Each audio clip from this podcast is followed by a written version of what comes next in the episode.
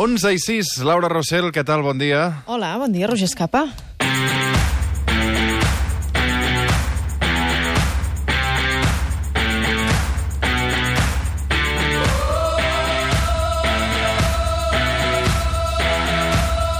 Com anem, Laura? Molt bé. Has votat ja? I tant, ja he fet la feina, jo. Ben d'hora, tu. Hi havia cua o no? No, mira, avui no, tens raó. L'altre dia, el 28 d'abril, jo em vaig haver d'esperar al migdia. Al migdia vaig anar a votar quan vaig plegar el programa i una gentada que vaig dir, ui, ja tornaré a les postres, perquè això... Ah, és veritat, a la General sí que em vaig trobar més moviment, no cua tampoc, perquè hi vaig anar molt d'hora, però més moviment de gent. Avui estaven més tranquils. A... La gent està de ressaca també de la Copa del Rei d'ahir i tota la pesca. Vaja. I de Joc de Trons, que encara hi ha gent que no ho ha paït. Tu com ho portes? Home, jo estic molt indignada amb aquest final de Joc de Trons. No t'ha agradat, tampoc? No m'ha agradat perquè Per no... coincidim, no perquè és... costa coincidir amb la Laura a vegades. no és fidel a, a l'essència de Joc de Trons. No és un final cruel, no és un final injust.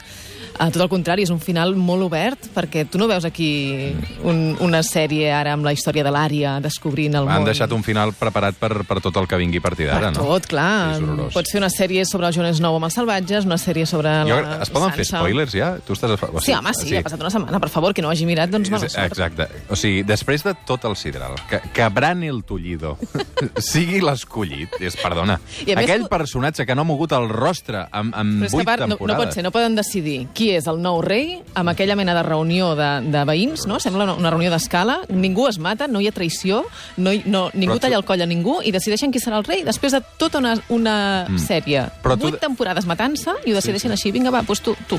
Van perdre l'oportunitat de fer un final infeliç. Clar, és que havia de ser cruel. Havia de ser cruel i no ho va ser. Aleshores, tu deies, no, és que això no és nou, és un tou. És que ho és.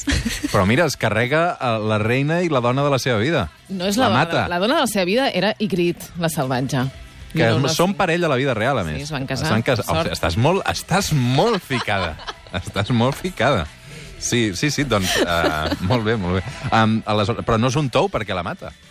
Perquè no la pot deixar viure, però és igual, és que la sèrie és injusta amb Daenerys. Per què la fan tornar boja? Aquella, aquella últim, aquell últim diàleg que tenen abans de matar-la, la, la dibuixen com una persona totalment anada, o sigui... A mi fins a aquell moment del capítol m'agrada, fins que la mata m'agrada. Després ja quan el drac comença allò de que es carrega el tron, tot allò, ja no s'entén. Perquè el drac és intel·ligent, no? Perquè Sí, ara sap que ha de que cremar sí, el tron. es veu que sí. Sí, però després de carregar-se una ciutat. En fi, va, no t'hem portat aquí per parlar de sèries. No. Avui eh, arribem a l'abecedari lila de Laura Rossell amb la lletra H. I a la lletra H, què hi trobem? Doncs els homes. Hay hombres que se mueven, hay hombres que se agitan, hay hombres que no existen, hay hombres que no gritan. Quin problema tenim amb els homes, Laura? Home, uh, no és que tinguem un problema, Ah. és que els homes són els homes. Ara em diràs allò, que som culpables de tot, no? No, no, no, no, ah. no, no, no, no, no, en absolut. D'algunes coses sí, no de totes. D'entrada, què teniu els homes? Doncs per la patilla teniu un seguit de privilegis que us venen donats per aquest sistema que és el patriarcat. Recordeu la primera entrada del diccionari. Amb l'A, androcentrisme, Sí. l'home com a mesura de totes les coses, i això deriva en el patriarcat, que és el sistema de dominació de l'home sobre la dona en tots els àmbits, en el polític, el social, l'econòmic, el familiar. La dona ha estat, i encara ara és, en alguns aspectes, una possessió dels homes. Passaven, recordeu, de mans del pare a mans del marit. Això és el patriarcat, que se sustenta en una actitud, en una manera de pensar que considera l'home per natura superior a la dona, és a dir, el masclisme. Però atenció, perquè hi ha un segon col·lectiu perjudicat per tot això. El primer i primordial, no hi ha discussió, són les dones, però de forma col·lateral, el patriarcat i el masclisme també us perjudiquen als homes, perquè us imposen unes expectatives, uns rols, unes actituds. Això la Núria Varela ho explica molt bé en el seu llibre Feminismo para principiantes, para principiantes que és un, un manual indispensable. Diu que així com el gènere femení està construït socialment, el gènere masculí també. I tots els homes s'han de comportar segons la masculinitat que marca aquella societat on viuen. La socialització, que és el procés d'aprendre a ser homes i dones en relació amb l'entorn i la comunitat en què vivim, consolida les normes, les conductes i els patrons del patriarcat. I suposa una càrrega per als homes, perquè l'home ha de demostrar sempre que és viril, que no falla, que suporta bé el dolor físic, que és autosuficient, que és competent.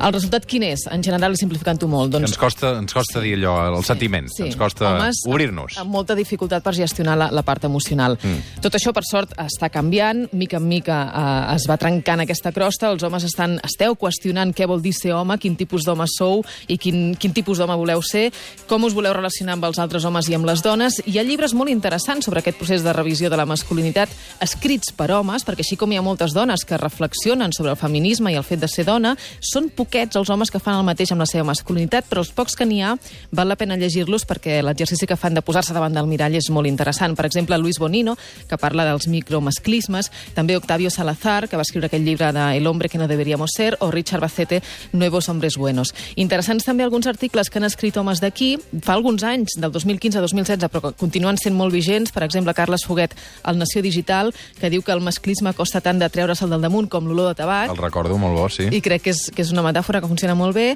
O la carta als homes que Sergio Picazo va publicar el 2016 al Crític. Avui amb l'H d'homes, però també amb l'H d'una dona. Una dona que avui descobrim amb la Laura Rossell i que és historiadora i traductora. Sí, i que si fos home, el seu nom ens sonaria molt. Com que és una dona, hem de crear espais com aquest per descobrir-la. És l'Hermínia Grau. Kitty, kitty, kitty, kitty,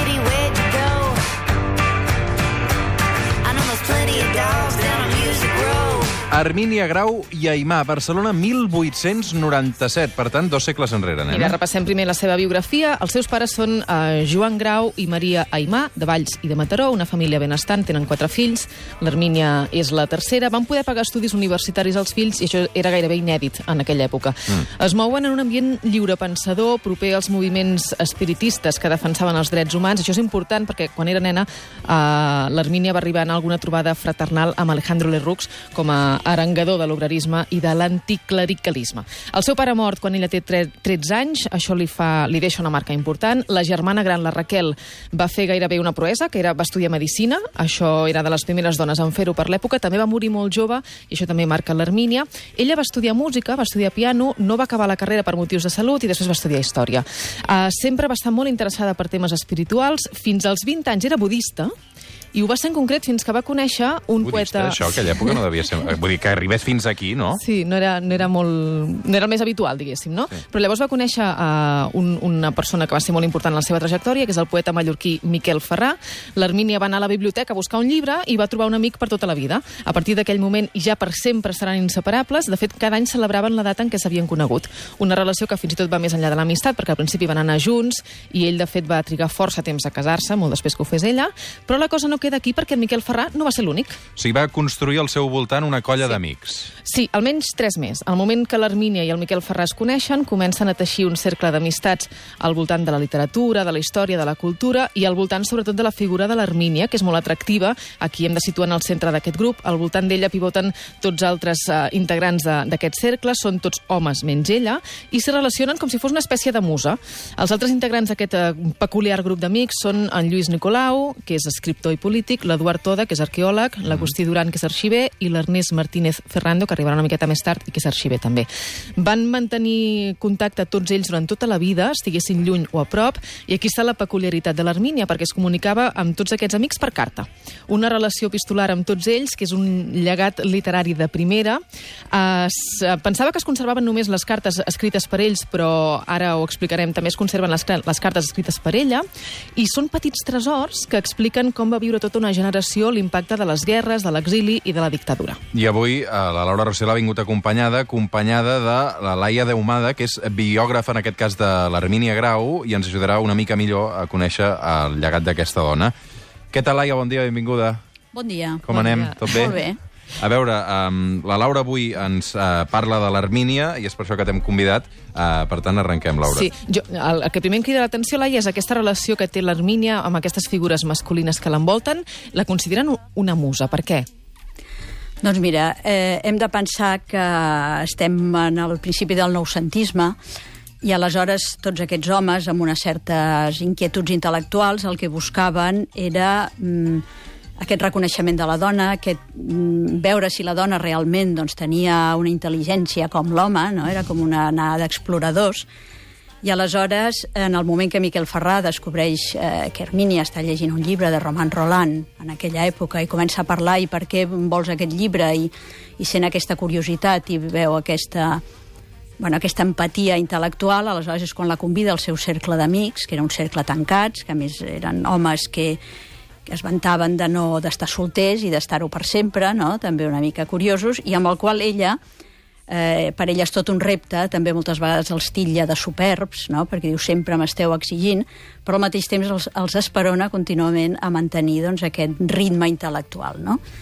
I a Armínia, a part d'aquesta inquietud intel·lectual, com dèiem abans, no? ja budista abans de, de tenir 20 anys, a més a més també pel que he pogut llegir, també era vegetariana, no? Tenia un punt vegetarià, imagineu-vos, el 1847. una avançada, no?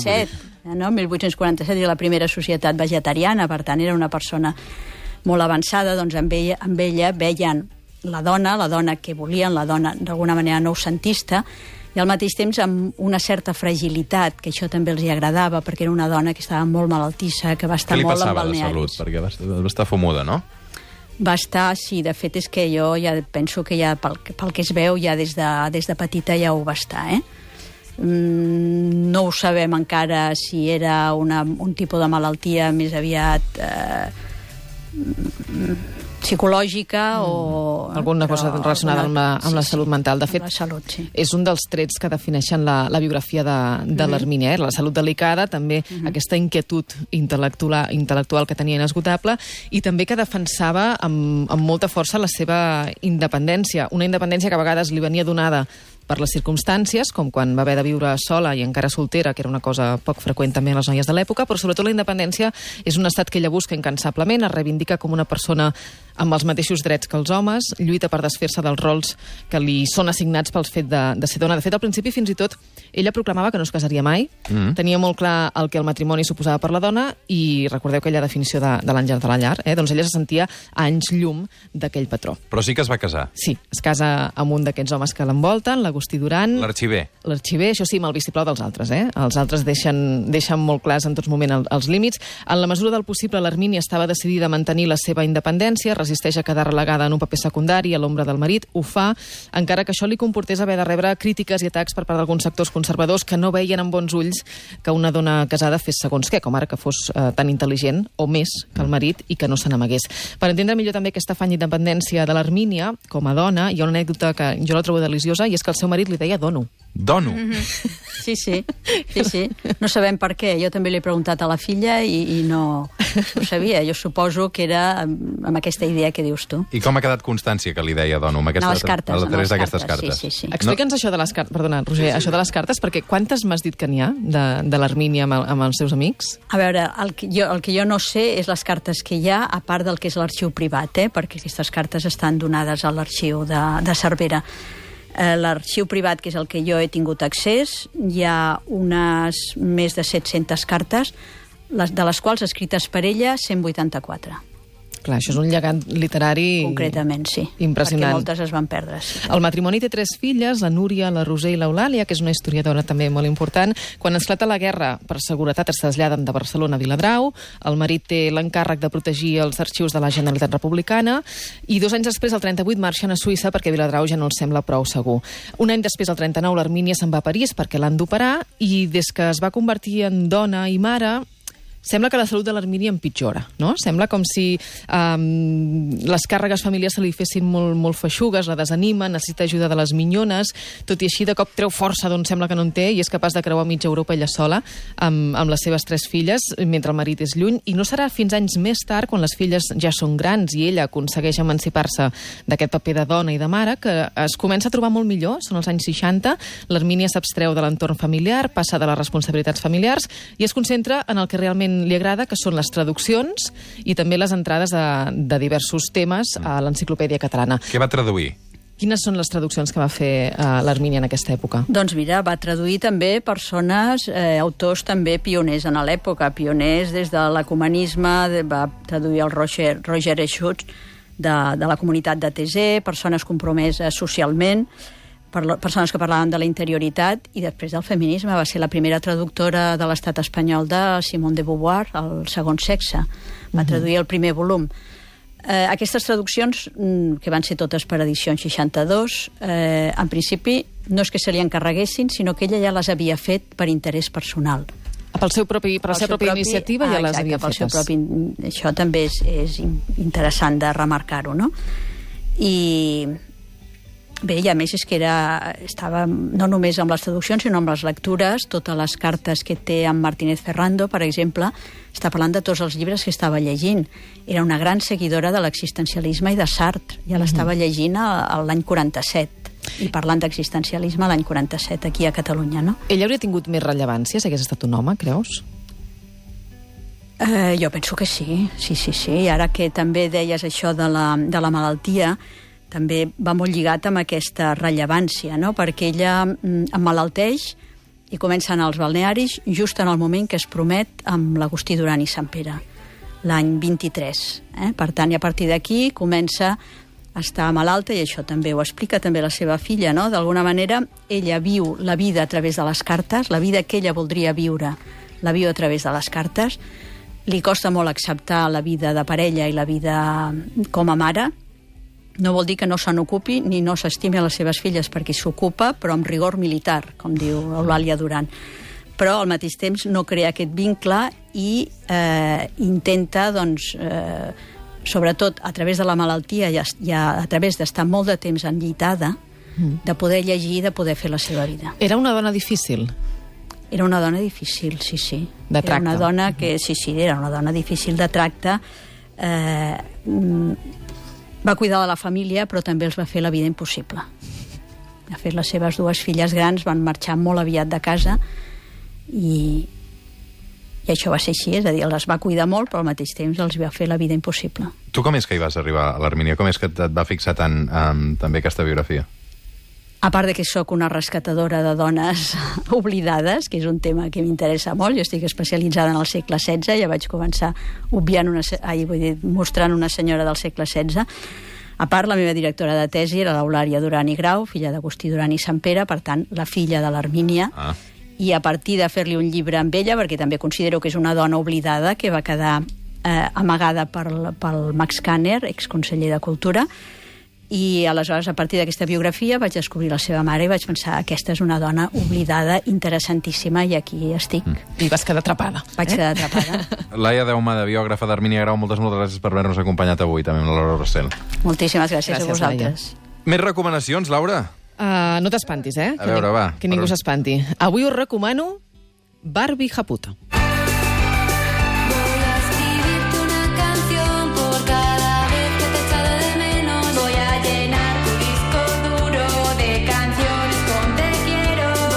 Barbie Japuta, Sí, sí? s'escriu així tot seguit, eh? tal com sona Barbie Japuta sense la lletra H i m'ha semblat que avui ens anava de perles ja que fèiem l'entrada de la lletra H. A més, um, com si ho, féssim, ho haguéssim fet expressament, lliga molt amb aquesta cançó que a mi em té enganxadíssima des del primer dia que la vaig escoltar. A veure, És- puja, puja, puja, puja.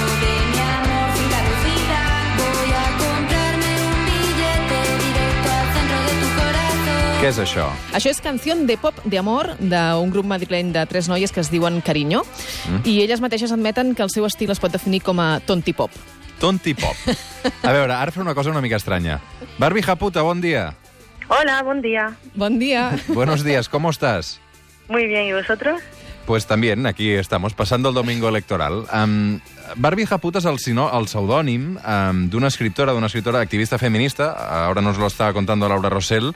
Um, que- o sea, tú escondes tu nombre real, ¿no? Entiendo. Sí, ¿Y hasta cuándo este secretismo sobre tu identidad? pues mira, últimamente me lo estoy pensando, ¿eh? Digo, ¿Sí? un día salgo. ¿Por? Sí, porque, no sé, es muy cansado, ¿eh? Es muy cansado eh, y creo que en realidad cuando no quieres decir tu nombre parece que como que la gente eh, está todavía más interesada en saber mm, toda tu vida, ¿no?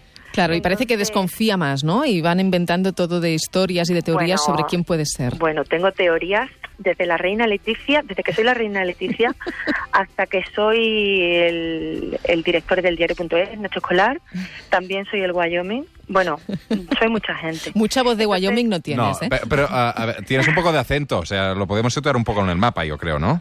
Sí, claro, totalmente, pero hay gente eh, que dentro de la teoría, te hablo de que es una teoría bastante extendida, ¿eh? no, no tres flipados, dicen que Escolar ha pagado a una mujer andaluza para que haga el podcast que yo hago, Ah, y pero que en realidad él es el guionista y él es el que escribe los artículos y él es el que escribe los libros, en fin, una locura. Pero Barbie Japuta existe de an- antes de, de escolar y antes del, Del diario. diario.es, ya Claro. sí, bueno, pero ¿quién quiere creer milongas al final? Naciste en Twitter, ¿no? De alguna manera. bueno, yo tenía un blog antes de Twitter, pero sí, digamos que cuando empecé, fue a raíz del 15M, cuando empecé a tener más repercusión las cosas que decía y eso, eh, al igual que otros activistas que estaban allí en Sol contándolo todo, eh, como Fanetín, como Patriorrillos, bueno, mucha gente que que nos seguía porque, bueno, era ah, de toda España querían seguir a gente que estuviera allí porque los medios, bueno, pues eh, no estaban muy por la labor de contar, ya sabéis, no sé si recordáis aquella época, Hmm. pero contaban cualquier cosa. Entonces, como que empecé a ganar seguidores yo y todos los que estábamos allí con Twitter empezamos a ganar muchos seguidores y a raíz de ahí pues ya se digamos que tuve más repercusión, más seguidores. Ah, yo tengo una duda, el, el porqué del- de, este nombre, ¿por qué Barbija Puta? Porque a mí me, me- me lleva a pensar, me sitúa en un, en un punto de, de mala leche. No sé si... Bueno, en Andalucía, en Andalucía japuta te lo dice tu, tu madre incluso, ¿no? Ah, ah, bueno, Es- vale. Sí, cuando es cuando eres muy pícara o cuando eres o cuando eres muy aguda, ¿no? Japuta, ¿no? Como un no es no es no llega a ser un piropo, pero llega a ser como un Un cariño, Eh, un cariño. Sí, es, sigue siendo un, un insulto, ¿no? Porque viene de hija de puta, digamos, pero tiene, tiene otra connotación, ¿no? Es como, qué aguda la tía. ¿sabes? Y, y bueno, claro, yo no, no, me puse este nick pensando en el hija de puta, ¿no? Que, que, que, que es un insulto, pero no, no quería insultarme a mí misma. Y lo de Barbie es eh, por, por su cara de cínica, ¿no? Su, su cara de, no sé, lleva la tía 60 años sonriendo con esa cara y parece que se la pela todo. Y yo quería un avatar así, ¿no? Porque como en realidad a mí me duele todo, pues quería un avatar en, en mi blog que, que hiciera parecer que cualquier comentario chungo que me fueran a hacer, pues como que me iba a resbalar. Ah, tú eres muy crítica con, con los partidos, en especial con algunos partidos políticos. ¿Tú crees que tenemos los políticos que nos merecemos? Pues depende de, de que hablemos cuando hablamos de merecernos. Yo, yo creo que hay mucha gente que no se lo merece, ¿no? Eh, pero hay otra que obviamente pues parece que es lo que quiere. Eh, que tampoco creo que muchos de ellos se lo merezcan, pero eh, no, ca- casi diría que no, que no, no nos los merecemos realmente.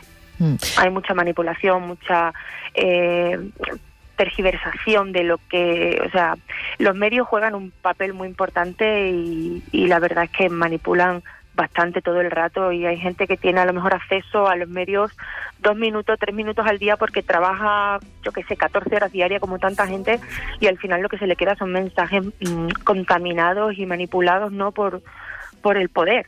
Eh, Mm. que entonces creo que esa gente vota a lo mejor en contra de sus propios intereses pero no creo que esa gente merezca eh, eh, los partidos que tenemos y, y los partidos incluso que votan ellos mismos ¿Y los hombres? ¿Tenemos los hombres que nos merecemos? Porque en tu libro de Machismo, ocho pasos para quitártelo de encima, que creo que vaya por la quinta edición, si no me equivoco, ah, ¿tenemos los hombres que nos merecemos como sociedad? Eh, no. nadie, nadie se merece, nadie se merece, o sea, y menos las mujeres se merecen vivir en un, en un sistema patriarcal. Eh, al final, mm, no sé, por muy aliena, por muy alienada que estés y muy dentro de la cultura machista que te hayas eh, criado y que por mucho que te enamores de hombres eh, con una masculinidad tóxica, una masculinidad simplemente, eh, no creo que te merezcas luego lo que las repercusiones que eso tiene. Pues Barbie Japuta, nos ha encantado conocerte. Aunque te Igualmente. Te seguimos, ¿eh? el sí. Te seguimos en. Twitter y te seguimos en, en eldiario.es. Muchas gracias. Muchas gracias. Una. Abrazada. I talk with a mouthful. But I couldn't Un minut per arribar a dos quarts dotze del migdia. Hem vist fa una estona com votar Colau i ara ho ha fet el seu rival. En principi, a Maragall acaba de votar també a Barcelona. En principi, perquè les enquestes diuen que estan molt ajustats. De seguida farem un resum del que ens ha donat de sí aquest eh, matí electoral amb el que portem d'estona amb el Joan Bota, ja el tenim a punt. Uh, Laura, la setmana que ve què farem? Doncs mira, la setmana que ve la lletra I parlarem de la Maria Pepa Colomer, que dius no hi ha I. Doncs no, en el seu nom no hi ha cap I, però sí en la seva ocupació era, eh, entre d'altres, instructora de vol i en va de perles per reivindicar-la. Laura, moltes, moltes gràcies. A tu. Ànims. Arriben els senyals horaris de dos quarts de dotze del migdia. Petitíssima pausa. I què ha passat, què ha donat de sí de moment al matí electoral? De seguida. 26M. Eleccions municipals i europees. Segueix el minut a minut al suplement. Amb Roger Escapa.